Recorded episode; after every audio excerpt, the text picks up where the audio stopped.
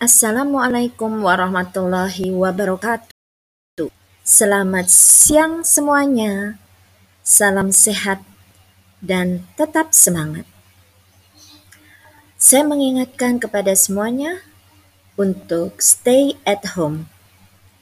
Jika tidak ada urusan yang mendesak, maka kita lebih baik tetap di rumah untuk memutus penyebaran dari mata rantai COVID-19. Salam sehat dan tetap semangat, bermanfaat walaupun tetap ada di rumah. Wassalamualaikum warahmatullahi wabarakatuh. Assalamualaikum warahmatullahi wabarakatuh.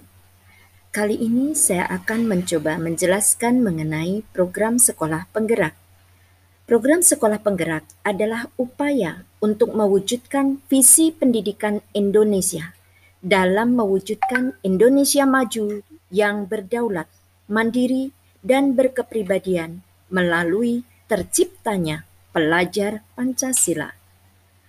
Program Sekolah Penggerak berfokus pada pengembangan hasil belajar siswa secara holistik yang mencakup kompetensi, literasi, dan numerasi serta karakter yang diawali dengan SDM atau sumber daya manusia yang unggul yang diawali oleh kepala sekolah dan guru. Program Sekolah Penggerak merupakan penyempurnaan program transformasi sekolah sebelumnya. Program Sekolah Penggerak akan mengakselerasi sekolah negeri atau swasta di seluruh kondisi sekolah untuk bergerak satu hingga dua tahap lebih maju. Program dilakukan bertahap dan terintegrasi dengan ekosistem hingga seluruh sekolah di Indonesia menjadi program sekolah penggerak.